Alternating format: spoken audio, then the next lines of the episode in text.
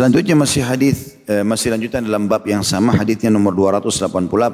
Imam Bukhari berkata rahimahullah Abdullah bin Saleh mengabarkan kepada kami ia berkata Musa bin Ulay mengabarkan kepadaku dari ayahnya an Abdullah bin Amr radhiyallahu anhu maqal arba'u khilalin idza u'tiyata idza u'titahunna fala yadurruka ma uzila anka minad dunya husnu khaliqah wa afafu tu'mah wa sidqu hadith wa hifdhu amanah.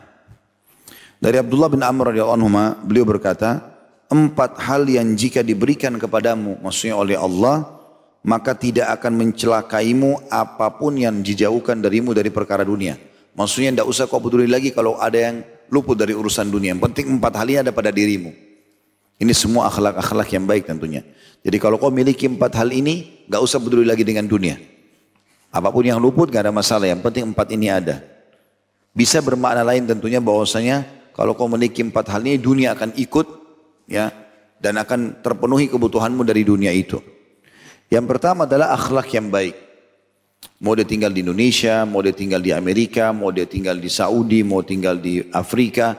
Selama akhlaknya baik, fitrah manusia suka dengan dia.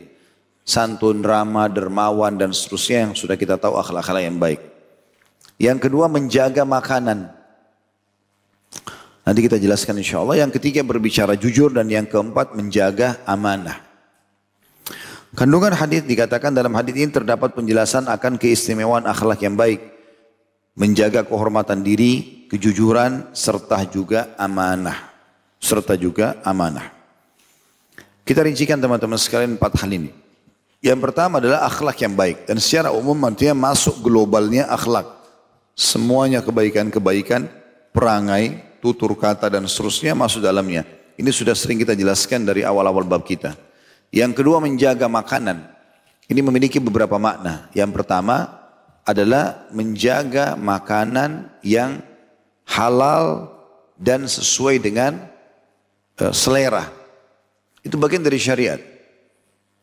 Jadi tidak harus porsinya banyak, tetapi dia halal dan sesuai dengan selera. Kita dianjurkan untuk itu. Islam tidak melarang seseorang makan sesuai dengan seleranya. Dan dia menolak apa yang dia tidak suka. Walaupun halal. Nabi SAW kalau tidak suka dengan satu jenis makanan atau minuman, beliau tidak mencelahnya, tapi beliau tidak menyentuhnya. Atau misalnya asing bagi beliau. Seperti kasus misalnya pada saat Khalid bin Walid radhiyallahu anhu, beliau pernah berburu uh, bob ya, semacam jenis biawak di padang pasir gitu. Lalu kemudian ditangkap, biasanya mereka bakar, dipanggang. Kemudian dibawa di hadapan Nabi SAW. Pada saat dibawa, maka dia mengatakan, ya Rasulullah silahkan. Maksudnya dia mau Nabi lebih dulu mencobanya. Tapi Nabi SAW melihat asing, Nabi belum pernah makan daging ini. Lalu Nabi SAW mengatakan, Hada laysa bi ardi kaumina. Kami nggak kenal ini di tempat kaum kami. Jadi selama saya hidup, keluargaku, orang sekitar kok nggak pernah hidangkan makanan ini, aku tidak tahu daging ini gitu. Tetapi Nabi SAW tidak larang Khalid bin Walid untuk memakannya. Maka ini masuk dalam istilah takrir, persetujuan Nabi SAW. Jadi kalau Nabi nggak larang, berarti boleh saja, gitu kan?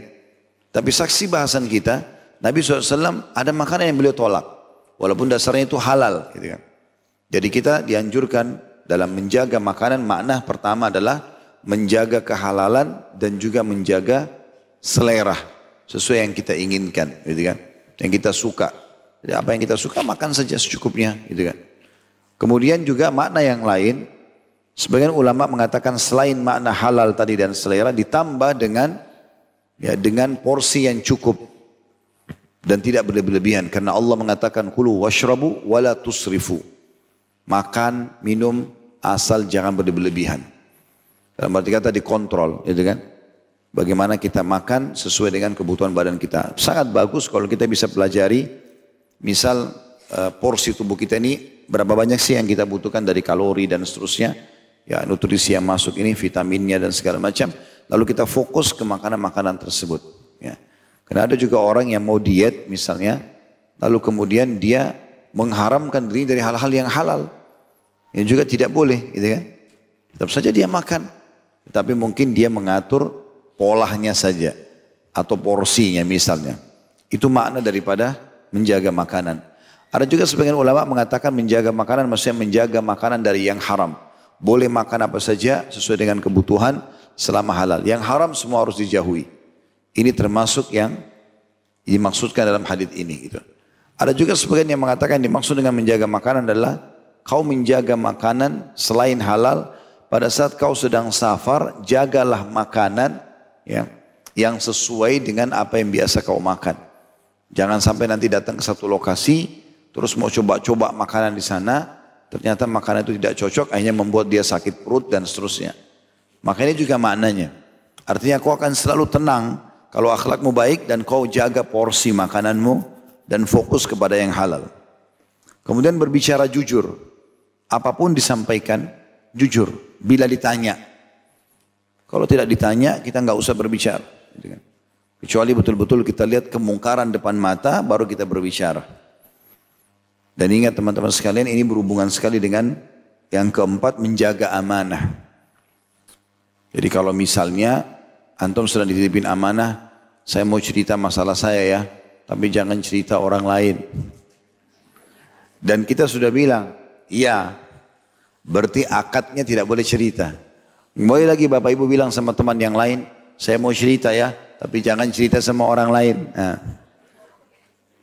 Berarti di sini dia nggak amanah. Dan dia tidak berkata jujur pada temannya tadi karena temannya sudah janji sama dia. Gak akan pernah menyampaikan. Berarti kalau dia mengkhianati itu dia berdusta berarti. Maka ini sangat berhubungan gitu. Dan amanah ini ada dua, ada amanah perkataan dan ada amanah benda, materi. Kalau perkataan tidak boleh sama sekali, tentu dua-duanya tidak boleh ya. Perkataan tidak boleh kita sebarluaskan kalau tidak ada seizin orangnya. Jadi kalau orangnya mau disampaikan, tidak ada masalah. Kita sampaikan apa yang memang berhubungan dengan dia gitu.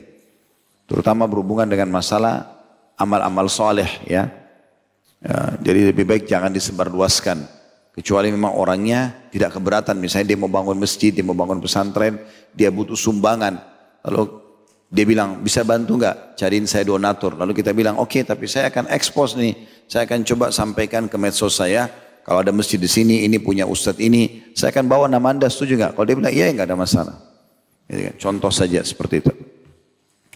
Maka ini empat hal yang ada kalau pada seseorang, dia akan dipastikan aman. ya Dia akan dipastikan aman.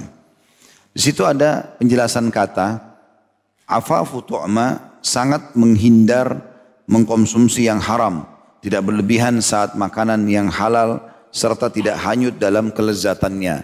Maksudnya terus menerus karena enak, maka makannya sampai sebelas kali. Gitu kan. Maka itu berlebihan. Dan hifdzul amanah menjaga semua, maksudnya dijaga amanah adalah menjaga semua anggota tubuh dan apa yang diamanahkan dari segala kedustaan dan khianat. Nanti menjaga dirinya supaya jangan sampai mengkhianati orang lain. Baik tadi perkataan ataupun benda yang diamanahkan ya. Nah, di dalam Islam itu ada hukum Bapak Ibu sekalian. Kalau misalnya gini, ada teman kita atau tetangga kita mau safar. Kemudian dia bilang, saya titip mobil saya misalnya. Titipan. Itu amanah gitu kan. Berarti nggak boleh kita pakai. Jangan bilang ini kan dititip sama saya, terserah saya saya mau pakai atau tidak. Enggak, kita harus minta kehalalannya dulu. Kalau kita parkir misalnya di garasi rumah kita, dan itu titipan, kita nggak pakai, nggak apa ya sudah dititip di situ. Kapan rumahnya rubuh, bukan dari kita, kena angin segala macam, kita nggak ada tanggung jawab terhadap mobil tersebut. Karena emang dititip di situ, ya sudah di sini, keadaannya begitu. Kita coba jaga semaksimal mungkin. Tapi kalau kita penyebabnya, kita harus bertanggung jawab. Teman-teman harus hati-hati ya, karena hisap pada hari kiamat ini sangat detail. Jadi kalau melasuk rumah orang, bertamu, Bahkan bukan cuma itu, masuk ke hotel, masuk ke mana saja, harus tahu mana yang merupakan fasilitas buat kita, mana yang bukan. Kalau bukan jangan. Saya pernah masuk ke satu penginapan sama istri, kemudian begitu kami masuk ke dalam kamar, ternyata kamarnya kurang cocok, mau ganti. Tapi fasilitasnya sudah dipakai. Karena sempat masuk ke kamar mandi, sempat duduk sebentar di ranjangnya, maka saya bahasakan. Pada saat kita mau pindah, mas ini sudah sempat dipakai fasilitas kamar mandinya. Sempat dipakai duduk ranjangnya. Oh iya, nggak apa-apa. Ya sudah. Betul sudah kita sampaikan. Karena dasarnya kita bayar bukan untuk kamar itu karena kita akan pindah. Contoh saja, gitu kan? Dan apa pun yang Bapak Ibu tidak boleh bawa, jangan dibawa. Handuknya orang dibawa, apalah gelas di kamar mandi dibawa. Kan saya sudah bayar. Yang Anda bayar kan jasanya. Yang boleh saja. Yang tidak boleh jangan. Saya juga pernah satu waktu keluar kota dengan keluarga sama anak-anak. Saya pernah ke keluar kota sama anak-anak sama istri. Kemudian mampir ke satu hotel gitu. Anak-anak saya yang kecil-kecil Masya Allah cukup banyak. Kemudian jalanlah kami ke restoran sarapan. Mereka jalan duluan, saya nyusul sama istri. Pada saat tiba di restoran, rupanya ada mbak-mbak yang kebetulan bantu juga, itu harus bayar makan gitu kan. Saya nggak tahu, saya pikir itu sudah masuk semua dalam kamar yang kami ambil gitu. Setelah itu saya baru tahu, ternyata ada lebih dua. Ini sudah lewat sehari. Saya langsung ketemu sama kasirnya. Ini kemarin kami lebih dua orang. Berapa bayarannya saya akan bayar. Jadi dari kamar ini, kamar ini. Kemudian akhirnya dia mengatakan, iya pak ada bayaran sekian ratus ribu. Baik, saya bayar. Subhanallah, karena saya niat mau bayar begitu saja. Baru niat baik, ini kita mau bayar supaya jadi halal nih. Rupanya ada manajernya, tempat itu tahu, kenal. Terus dia kasih, dia datang terus dia salaman, habis itu dia bilang, Ustaz semuanya yang tertinggal itu sudah, saya udah bayarkan, udah selesai. Jadi nggak masalah. Ya Allah mudahkan. Tapi yang jelas teman-teman jangan sampai kita tinggalkan bekas dan kita pikir itu oh nggak masalah. Saya pernah di Madinah masuk ke satu apotik mau beli obat pada saat itu. Pas menjelang menjelang subuh atau lepas isya saya lupa antara waktu itu.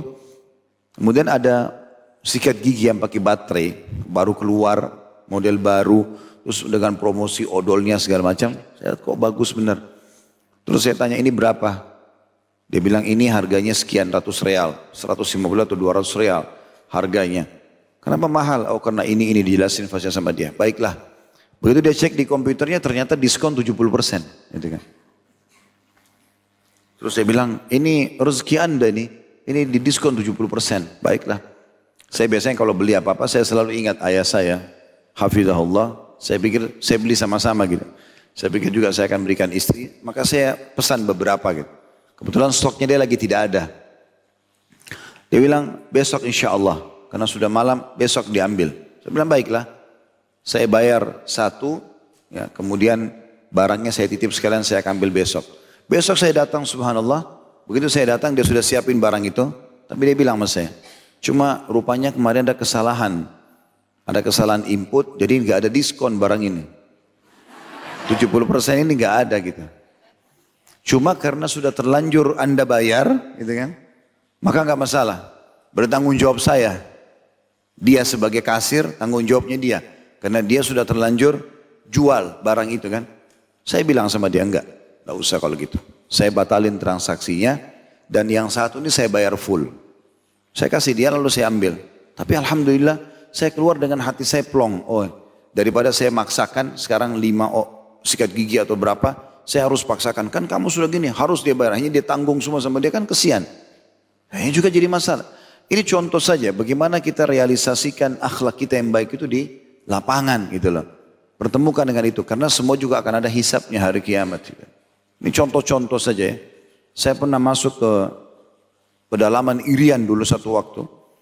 Mampir ke satu tempat penginapan. Sebenarnya karena di pedalaman di, masuk ke dekat-dekat hutan. Jadi rumah-rumah hotelnya bukan hotel sebenarnya. Penginapannya pun dari kayu gitu kan.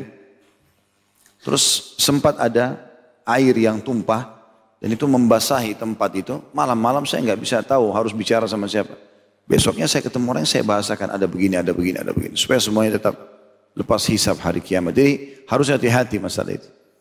Teman saya pernah titipin uang, ini uang ya, titip. Untuk belanja waktu itu beli beberapa kebutuhan di Irian. Kemudian saya tulis semuanya. Sampai beli air mineral saya tulisin. Beli air mineral seribu rupiah. Saya begitu kasih laporan ke dia, kenapa hari detail begini? Ya akhi, lebih baik detail daripada ente hisap anak hari kiamat. Maka dia tersenyum. Dia bilang, tidak halal-halal. Ya sudahlah, Alhamdulillah. Yang penting kita nggak ada beban. Gitu kan. Karena ini semua teman-teman kadang-kadang mungkin hal-hal kecil-kecil begini kita nggak sadar dan hari kiamat menumpuk dan akhirnya menghabiskan pahala kita. Untuk apa? Kan gitu. Jadi itu yang dimaksud juga dengan hifdhu amanah. Ya, yang dimaksud sini menjaga amanah itu. Baik, hadis selanjutnya nomor 289.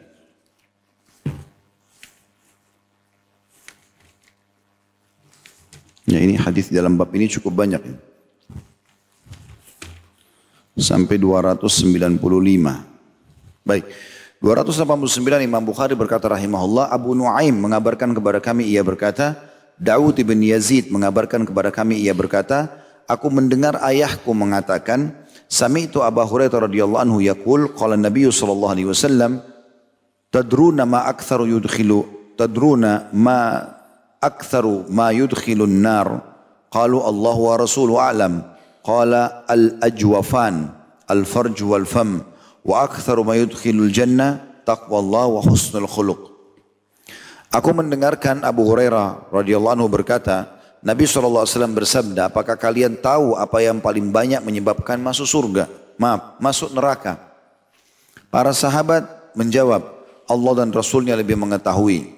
Beliau menjawab, dua lubang, yaitu kemaluan dan juga mulut.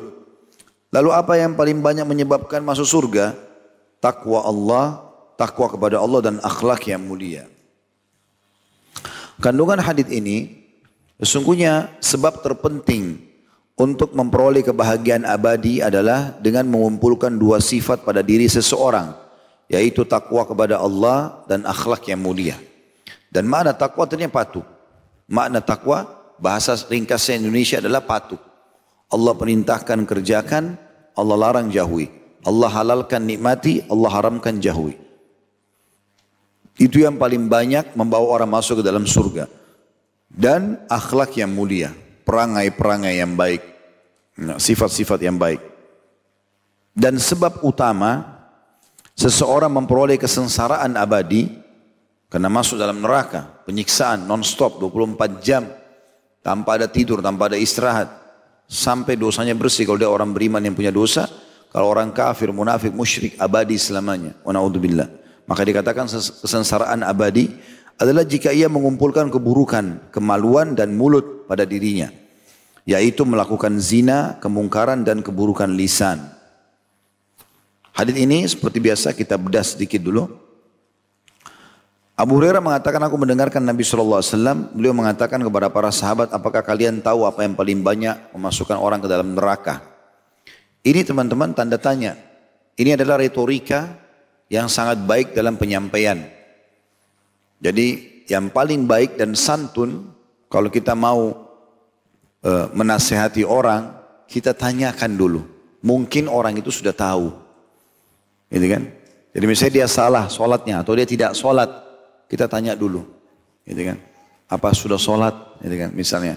Atau udah tahu belum kalau sholat itu wajib misalnya. Nabi SAW di sini menjelaskan. Sebenarnya Nabi langsung bisa bilang, hati-hati yang paling banyak membawa orang masuk neraka, kemaluan sama mulut. Tapi Nabi SAW tidak begitu. Beliau lempar kepada, kepada hadirin untuk memastikan gitu. Dan juga menarik perhatian mereka. Apakah kalian tahu apa yang paling banyak orang membawa orang masuk dalam neraka? Dan di sini juga sahabat Nabi bertanya, menjawab dengan akhlak juga. Mereka mengatakan, ya Allah dan Rasulnya lebih tahu. Sebenarnya perkataan Allah dan Rasulnya lebih tahu, ini kata sebagian dalam hadis bukan berarti sahabat tidak tahu.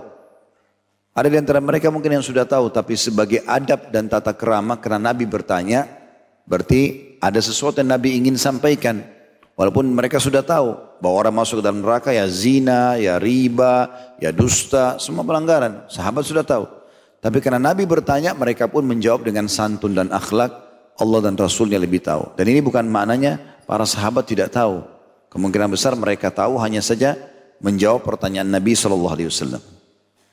Itu yang kita ingin titip beratkan tambahan dalam syarah hadis juga penjelasan tentang masalah yang paling banyak membawa orang masuk ke dalam neraka adalah ya, ajwafan, kemaluan dan juga mulut.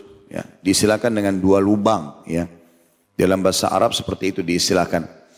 Maka dua hal ini berhubungan sekali dengan hadis yang lain Kata Nabi SAW, Man dhamina li ma baina lihyai wa ma baina fakhidai dhamintu lahul jannah. Siapa yang bisa menjamin untukku antara dua pipinya, lisannya dan antara dua pahanya, maksudnya kemaluannya, aku akan jamin baginya surga. Jadi seseorang memang harus mengontrol kata-kata yang dia mau ucapkan ini berbau dosa atau tidak. Jangan sampai masuk ke zona orang lain, giba, fitnah, celah. Ini bahaya sekali. Ya. Di zaman sekarang ini banyak orang terjerumus dalam gibah. Apalagi sudah ikut pengajian, dia pikir sudah pakai jilbab besar, udah pakai cadar, udah berjenggot, udah ini, udah itu.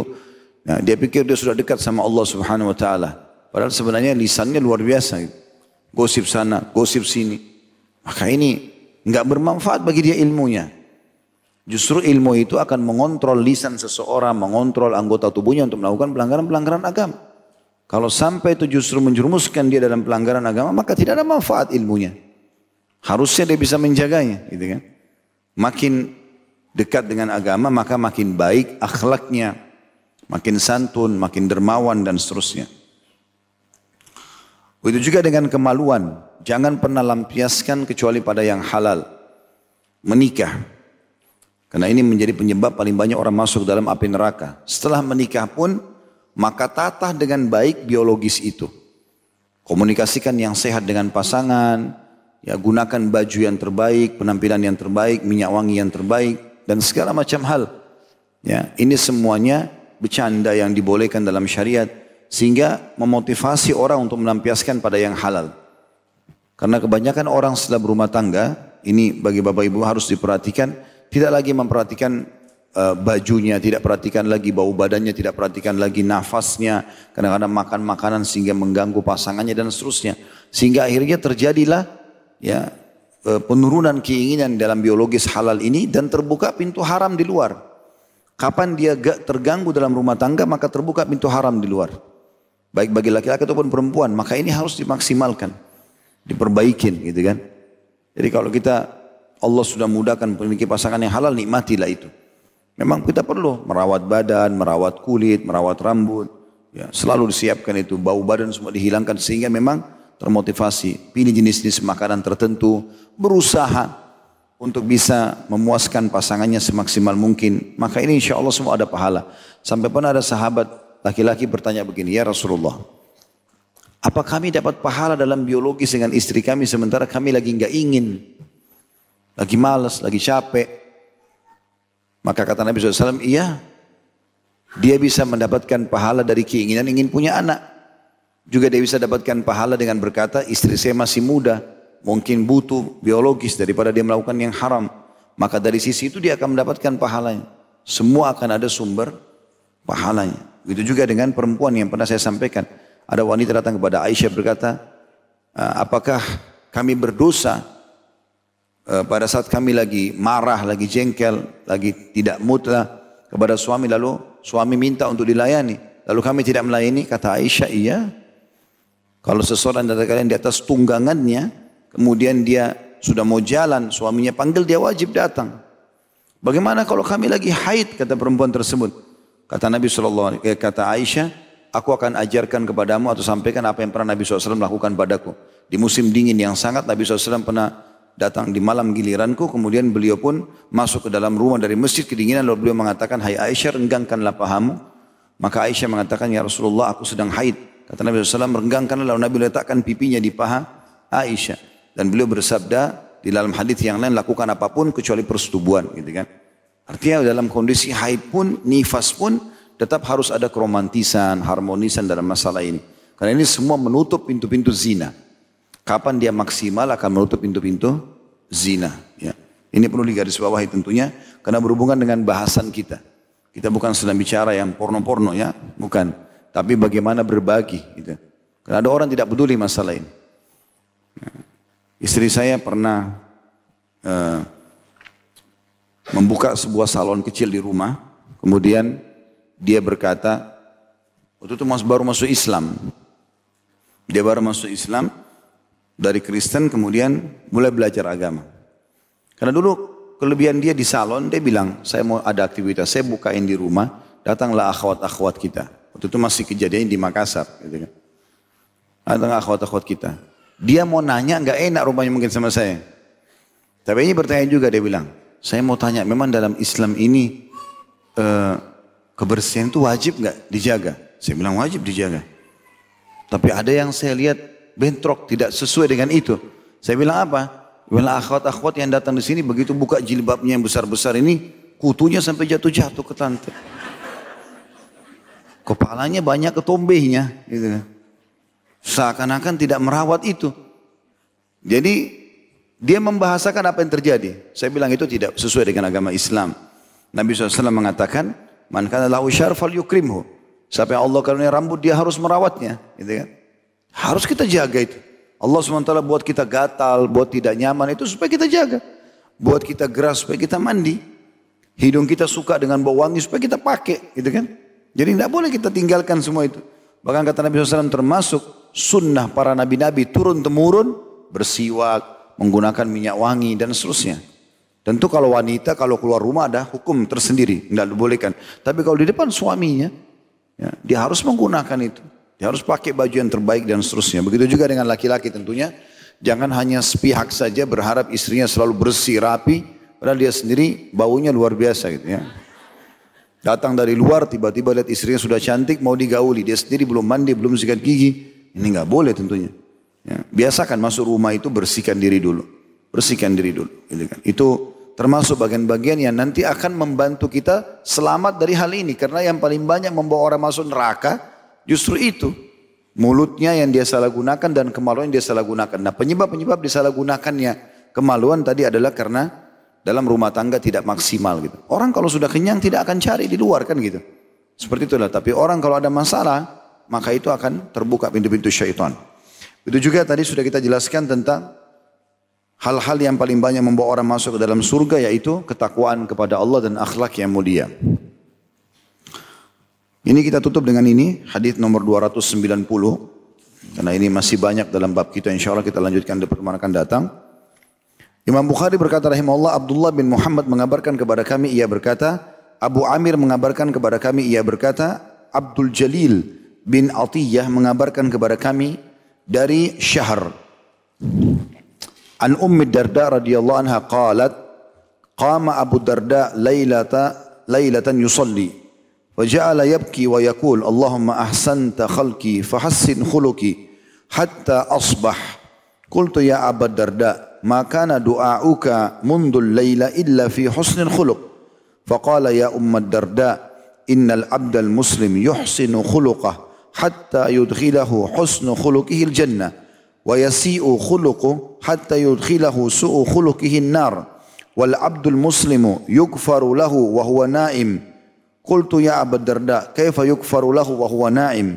قال يقوم أخوه من الليل فيجتهد wa jal fayastajibu lah wa yad'u li akhihi fayastajibu lahu fihi. Dari Ummu Darda radhiyallahu anha, istri Abu Darda yang mulia, sahabat Nabi yang mulia, ia berkata, pernah satu malam Abu Darda, dia cerita tentang suaminya, bangun untuk sholat, maksudnya sholat tahajud. Lalu ia menangis dalam sholatnya dan berkata, Ya Allah, engkau perelok penciptaanku. Maka pereloklah pula akhlakku. Maksudnya sebagaimana kau sempurnakan ciptaanku, wajah, kulit, tubuh dan seperti ini, maka sempurnakan juga akhlakku. Hingga subuh, terus saja dia menangis dan doanya hanya itu saja. Minta supaya akhlaknya diperbaiki. Maka aku bertanya kata Ummu Darda, wahai Abu Darda, mengapa doamu malam ini hanya mengenai akhlak yang baik? Ia berkata, wahai Ummu Darda, sesungguhnya seorang hamba muslim terus memperbaiki akhlaknya hingga akhlaknya yang baik itu memasukkannya ke dalam surga. Maksudnya dia terus berusaha memperbaikinya. Dan dia memperburuk akhlaknya kalau orang terus sengaja terjerumus dalam kesalahan-kesalahan dan buruk akhlak hingga akhlaknya akhlak buruknya itu memasukkannya ke dalam neraka. Dan seorang hamba muslim diampuni ya, ia diam, ia diampunkan padahal ia sedang tidur. Lalu aku berkata, kata Mudarda, wahai Abu Darda, bagaimana ia diampuni padahal ia sedang tidur? Ia menjawab, saudaraku atau saudaranya bangun di malam hari lalu mengerjakan sholat tahajud. Kemudian ia berdoa kepada Allah yang maha suci dan maha mulia lalu dikabulkan doanya. Setelah itu ia berdoa untuk saudaranya lalu doanya pun dikabulkan. Kandungan hadis ini yang pertama, anjuran agar berdoa dengan doa yang disebutkan dalam hadis ini. Maksudnya Allahumma ahsinni. Banyak riwayat ya. Allahumma hassin khuluki. kama hasan takhalki atau Allah ma'ahsin khuluki kama ahsan takhalki. Maksudnya Allah sempurnakan akhlakku sebagaimana kau sempurnakan ciptaan fisikku. Anjuran agar berdoa dengan doa yang disebutkan dalam hadis ini karena dengan akhlak yang mulia seseorang bisa masuk ke dalam surga. Begitu pula dengan akhlak yang buruk seseorang bisa terjerumus ke dalam neraka. Yang kedua anjuran agar melaksanakan sholat dan berdoa di akhir malam karena pada saat itu doa lebih berpeluang dikabulkan. Kita sekarang masuk ke syarah hadisnya. Pertama sekali pentingnya seorang istri belajar dari suaminya. Terutama kalau suami adalah orang yang alim, orang yang faham. Dia harus maksimalkan waktu. Tentu istri belajar kepada suaminya itu akan sangat berbeda dengan pola belajarnya seorang istri kepada uh, kepada seorang atau seorang wanita kepada ustadz di majelis seperti ini. Karena mereka bisa lebih santai di rumah, bisa dengan pertanyaan, ya. Sering bertanya masalah-masalah agama kepada suami yang faham ini penting. Karena biasanya kalau suami sudah pulang ke rumah, dia juga butuh waktu istirahat segala macam. Mungkin dia tidak terlintas untuk membacakan kitab misalnya di rumah. Ya. Saya Jarang sekali menggunakan buka kitab di rumah untuk mengajarkan pada istri saya. Tapi saya mencairkan suasana misalnya dengan cara dia mau bertanya silahkan. Atau kadang-kadang ada sesuatu yang saya anggap salah saya ingatkan. Atau ada kebaikan lalu saya motivasi gitu kan. Saya ingatkan di sana ada sedekah bisa dijalankan. Lakukan ini, lakukan itu. Jangan lakukan seperti ini. Jadi mungkin polanya agak berbeda. Tetapi perlu ya seseorang itu belajar dari pasangannya. Tentu kalau istrinya juga adalah wanita yang pintar, yang faham, bukan aib untuk bertanya kepada istri gitu kan. Tapi kita bicara umumnya sini suami, karena suami pemimpin di rumah dia harus faham masalah itu. Diambil daripada kisah Abu Darda ini menyampaikan tentang uh, pertanyaan dia yang dia sampaikan kepada suaminya Abu Darda. Abu Darda ini adalah seorang ulamanya sahabat lah, gitu kan, yang sangat dekat dengan Allah Subhanahu Wa Taala dengan ibadah-ibadahnya. Abu Darda ini punya banyak kisah dengan istrinya yang sering dinukil. Dan tidak semua sahabat seperti itu. Di antaranya masalah rumah tangga pernah dia bilang sama Abu Darda, wahai Abu Darda, kalau sedang terjadi pertikaian antara kita di dalam rumah tangga ini, kalau aku sedang marah, ridohkan aku. Jangan kau bantah maksudnya. Karena laki-laki emosional. Kalau tidak dibantah, maka dia lebih redah. Dan bisa diredam dengan itu tentunya. Nanti kalau sudah tenang baru dibahas. Dan kalau kau sedang marah, maka aku akan ridho kepadamu. Bukan aku datang cari keridoanmu, tidak. Aku ridhokan, maksudnya ya sudah aku maafin. Seperti itulah. Kalau tidak rumah tangga ini tidak bisa berjalan. Seperti itu konsep dasar yang pernah beliau sampaikan dalam rumah tangganya. Kemudian yang kita ambil juga dari hadis ini adalah doa mulia yang disampaikan oleh Abu Darda. Ya. Beliau mengatakan, Allahumma ahsan takhalki fahassin khuluki. Ya Allah sebagaimana engkau telah sempurnakan keperawakanku, wajah dan juga kulit, postur tubuh ini, maka sempurnakanlah akhlakku. Yang saya tahu, potongan ini, sebenarnya doa ini ada dalam potongan salah satu doa iftitah. Doa iftitah sangat banyak ya. Tapi di antara doa iftitah ada potongan ini. Allahumma ahsinni kama ahsan takhalkika wa ahsin khuluki kama ahsan takhalki. Ya Allah perbaikilah akhlakku ya sebagaimana engkau telah menyempurnakan ciptaanmu dan perbaikilah uh, akhlakku sebagaimana kau telah memperbaiki dan menyempurnakan ciptaan fisikku. Itu salah satu doa iftitah. Teman-teman insya Allah bisa dapatkan di Google tinggal ketik ragam doa iftitah. Kalau tidak bisa dapatkan, saya tidak tahu teman-teman depan ada siapin tidak, ada buku kecil kumpulan doa sesuai dengan Al-Quran dan Sunnah. Covernya warna biru putih. Tanya aja nanti teman-teman di depan, insya Allah ada ada buku doa yang sering, yang sekarang juga lagi saya bedah di uh, masjid uh, di, di building Centennial, ada masjid Nur Salam di sana, kajian duhur. Itu 132 doa, di antaranya ada doa-doa iftitah. Nah salah satunya masuk dalam doa ini. Ini sangat baik. Kalau teman-teman bisa hafal itu, selain Allah mabait baini wa baina khataya ya, selain uh, doa apa namanya, uh, iftitah yang lainnya, ya, uh, maka kita dianjurkan untuk menghafal juga ini. Jadi mungkin kalau tidak salah doa iftitah itu ada sekitar uh, 6 atau 7 doa iftitah dalam buku itu ya. Nah salah satunya adalah doa ini. Dan ini sangat baik. Kita minta agar Allah menyempurnakan keduanya. Baik fisik kita juga akhlak kita.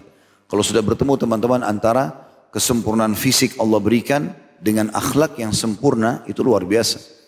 Ya, ini dicontohkan oleh Nabi alaihi salatu wassalam. Kemudian juga kita ambil pelajaran di sini bagaimana Abu Darda saking fahamnya radhiyallahu anhu. Ini mungkin poin yang ketiga dari hadis yang kita bisa ambil.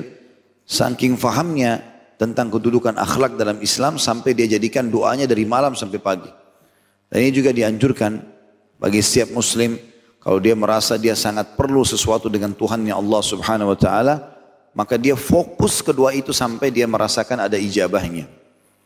Semalam suntuk itu pun itu semalam suntuk. Tiga hari, tiga malam pun dia berdoa itu terus tidak ada masalah. Nah, dia terus meminta kepada Tuhannya. Karena kata Nabi SAW, Allah malu mengembalikan tangan hambanya yang sedang diangkat ke langit dalam keadaan kosong.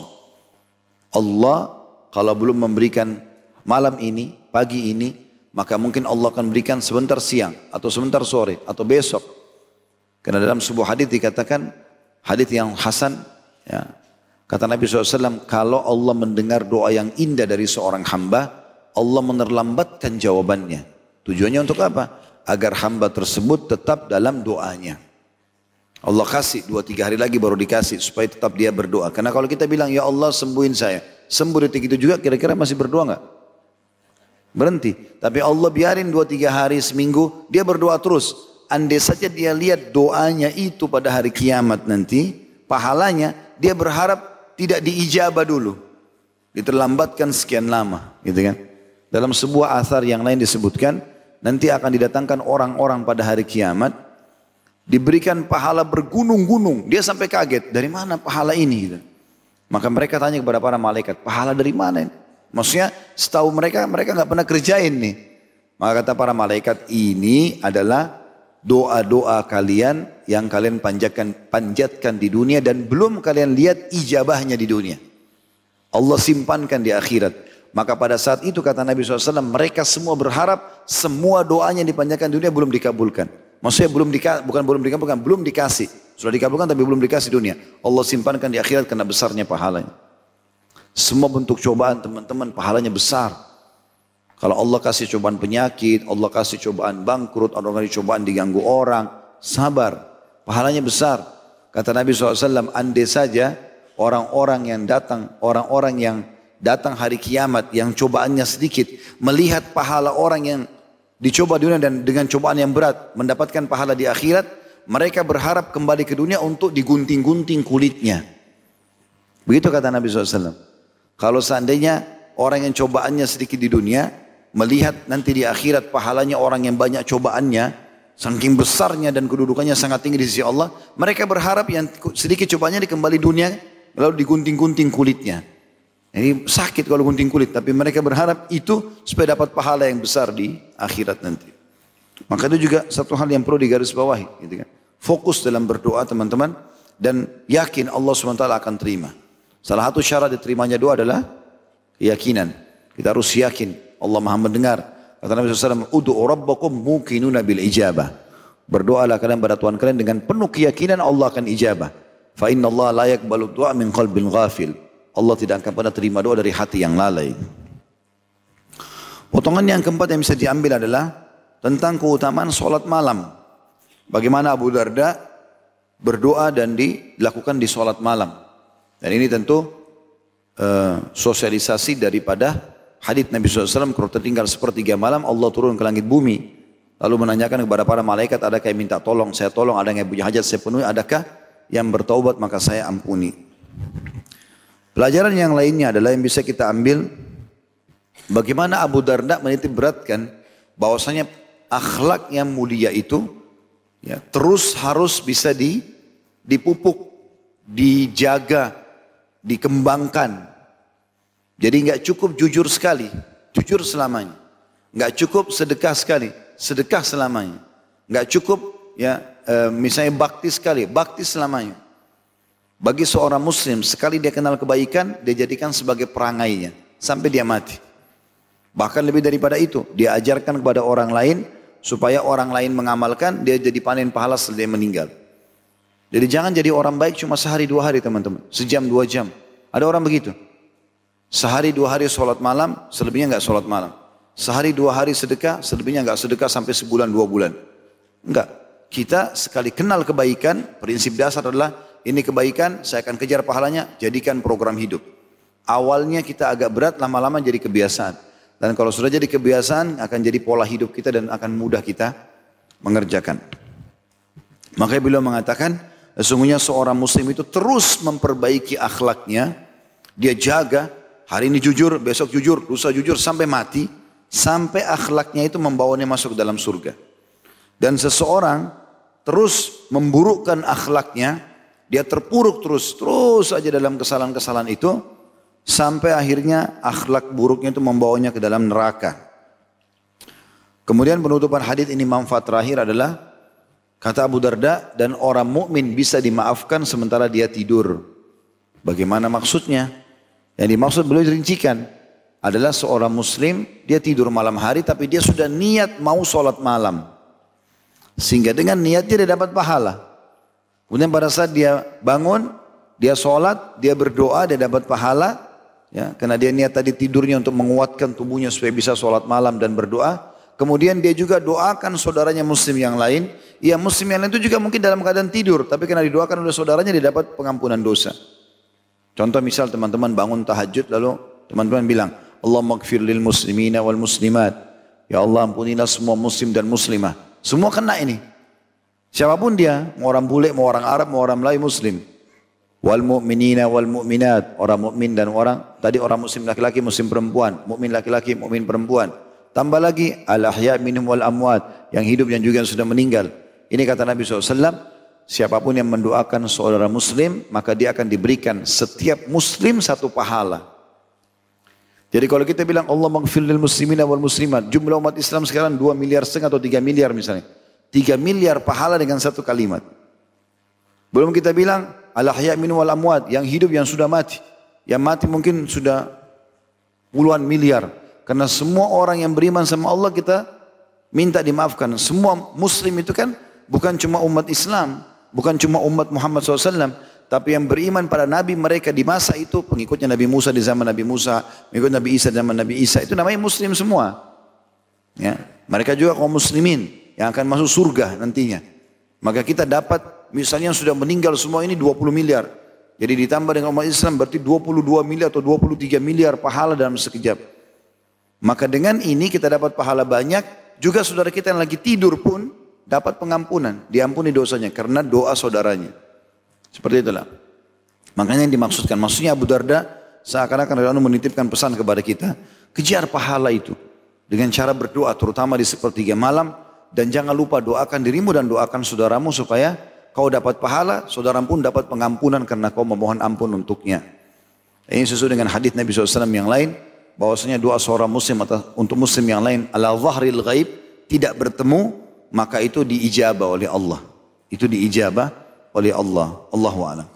Ini bahasan kita insyaallah. Subhanakallahumma bihamdika asyhadu an la ilaha illa anta astaghfiruka wa atubu ilaik. Assalamualaikum warahmatullahi wabarakatuh.